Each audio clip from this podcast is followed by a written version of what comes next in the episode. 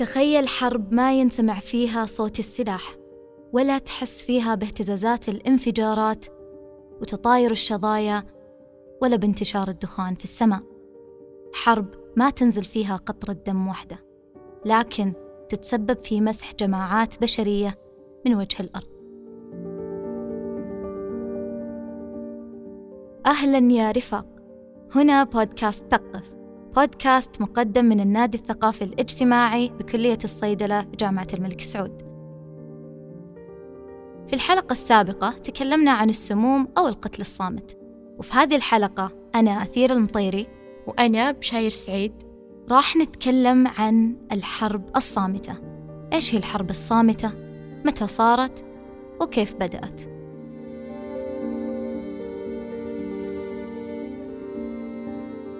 الحروب عرفها الإنسان منذ نشأته بدايتها بمعارك بالأيدي والحجارة ومع الوقت تطورت أساليبها وأدواتها وتحولت من حروب تعتمد على السيوف والأسهم إلى حروب تستخدم المسدسات والأسلحة وصولا إلى حروب باردة تستخدم ميكروبات وجراثيم تتسبب بالأمراض والأوبئة وسموها الأسلحة البيولوجية.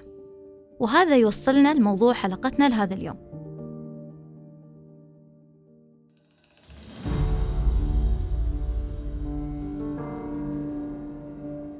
إيش رأيكم نتعرف أكثر عن الحرب البيولوجية؟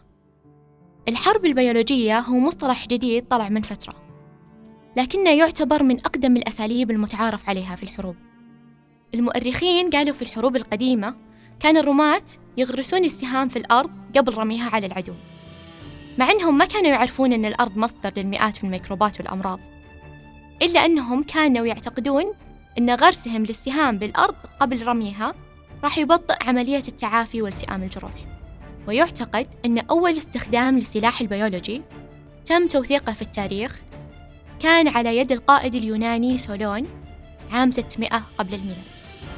لما استخدم جذور نبات هيليبورس لتلويث مياه النهر اللي كانت تستخدمها جيوش الأعداء مما أدى إلى تسممهم.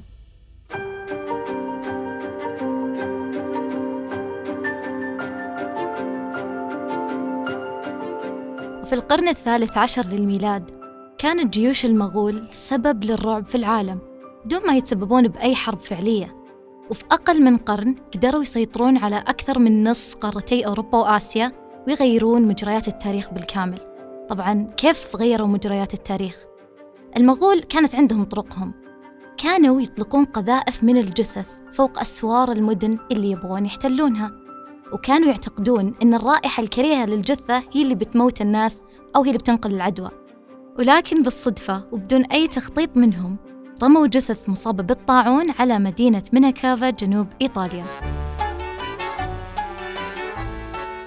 واللي نجا من السكان حمل معه الطاعون لأوروبا وانتشر ما عرف بجائحة الموت الأسود اللي قضى على أكثر من ثلث أهل أوروبا ذاك الوقت.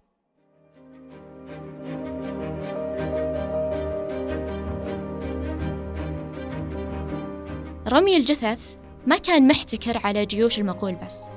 حتى جيوش الحروب الصليبية كانوا يرمون جثث الجنود الموتى داخل معسكرات الجيوش المصرية والشامية عشان تنقلهم أمراض مثل الطاعون والجدري والكوليرا.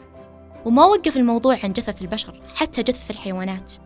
كانوا يرمونها في مياه آبار العدو واللي سبب تلويثها وجعلها مياه غير صالحة للشرب وزيادة على هذا استخدموا أقمشة ملابس ملوثة بالجدري ولأن موارد المياه كانت محدودة زمان فتلويثها كان تكنيك عسكري ناجح. في العصور الوسطى الإمبراطور فريدريك بارباروسا نجح في احتلال مدينة تورتونا الإيطالية بعد ما سمم خزانات مياه الشرب فيها. وخلال الحرب الأهلية الأمريكية كان جنود الجيشين الشماليين والجنوبيين يسممون بعضهم عن طريق تلويث الأنهار والآبار بإلقاء جثث الخنازير والماشية الميتة فيها. وفي ماضي قريب جدا وبالتحديد في الحرب العالمية الثانية استخدمت اليابان نفس التكنيك وسممت حوالي ألف بئر ماء بالكوليرا والتايفود اللي كانوا الصينيين يشربون منه في ذاك الوقت. هذا غير عن نشر بطانيات وملابس ملوثة بالبكتيريا المسببة للطاعون.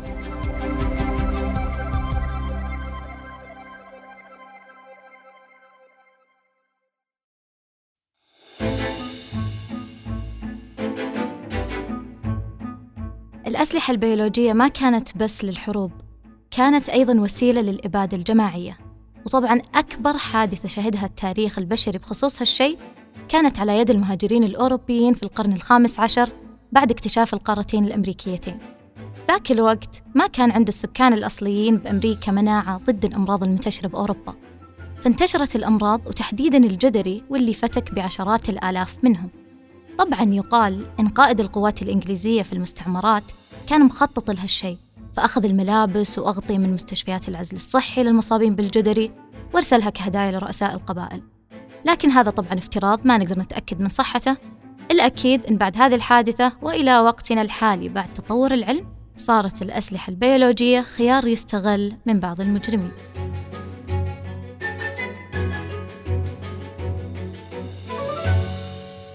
In just a week's time, we have had four confirmed cases of anthrax, all with media connections, and a number of anthrax scares as well. ABC News. In Nevada, in New Jersey tonight, the U.S. House of Representatives is closing offices today until Tuesday to allow a complete sweep for traces of anthrax.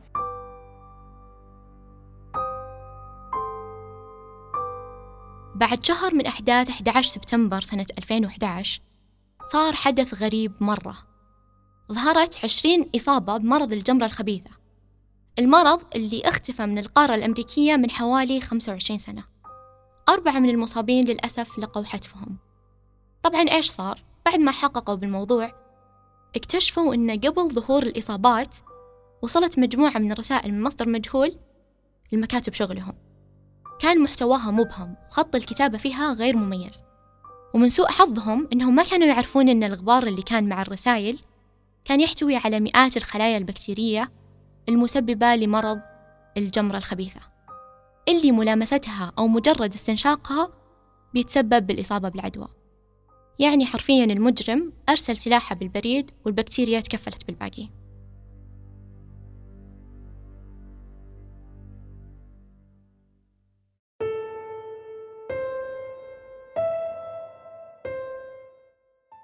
ومن أساليب الحروب البيولوجية اللي صار واستخدمت القصف الكيميائي. سلاح فتاك ممكن يوقع مجزرة بدون ما تنزل فيها نقطة دم واحدة.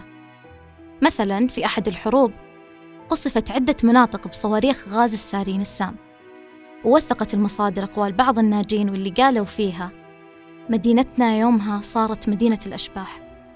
كل شيء فيها ميت طيور أشجار ناس كل شيء. لما وقع الكيماوي ما سمعنا صوت انفجار ولا حسينا بهزة. لكن سمعنا صوت مثل صوت الصفارة وشمينا ريحة مثل ريحة التفاح أو الخل أو البيض الفاسد. فجأة بدت عيوننا تحرقنا خرت أجسامنا وبعدها بدقايق فقدنا الوعي. كان الجو صيف بإحدى الحارات. شفت مجموعة شباب سهرانين ورق البلوت لسه في يدينهم. مشروباتهم باقي ما خلصوها. وكان الزبد طالع من فمهم.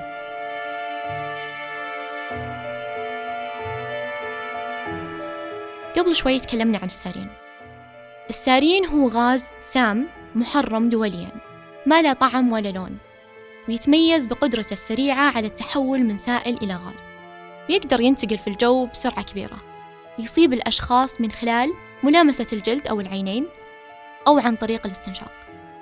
الشخص اللي بيتعرض للسارين ممكن يحس بسيلان في الأنف ألم وحرقة في العيون وضيقة في الصدر والإصابات القريبة والمباشرة تتمثل في فشل في الجهاز التنفسي شلل في الأعصاب وتشنج العضلات وتؤدي في الغالب إلى الموت.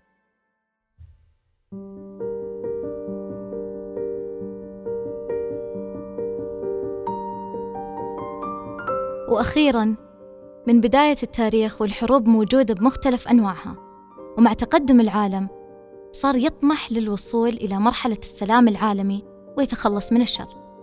فبدأت تسن قوانين وعقوبات في محاولة للحد من استغلال العلم بأهداف إجرامية وعشان يقتصر دوره فقط في تطور الإنسان وتحسين حياته مو في تدميره. والله يجيرنا وإياكم ومن نحب من شر هالحروب كل أنواعها ويرفع عن كل المكروبين. شاكرين لكم حسن استماعكم ونلقاكم في الحلقات القادمة.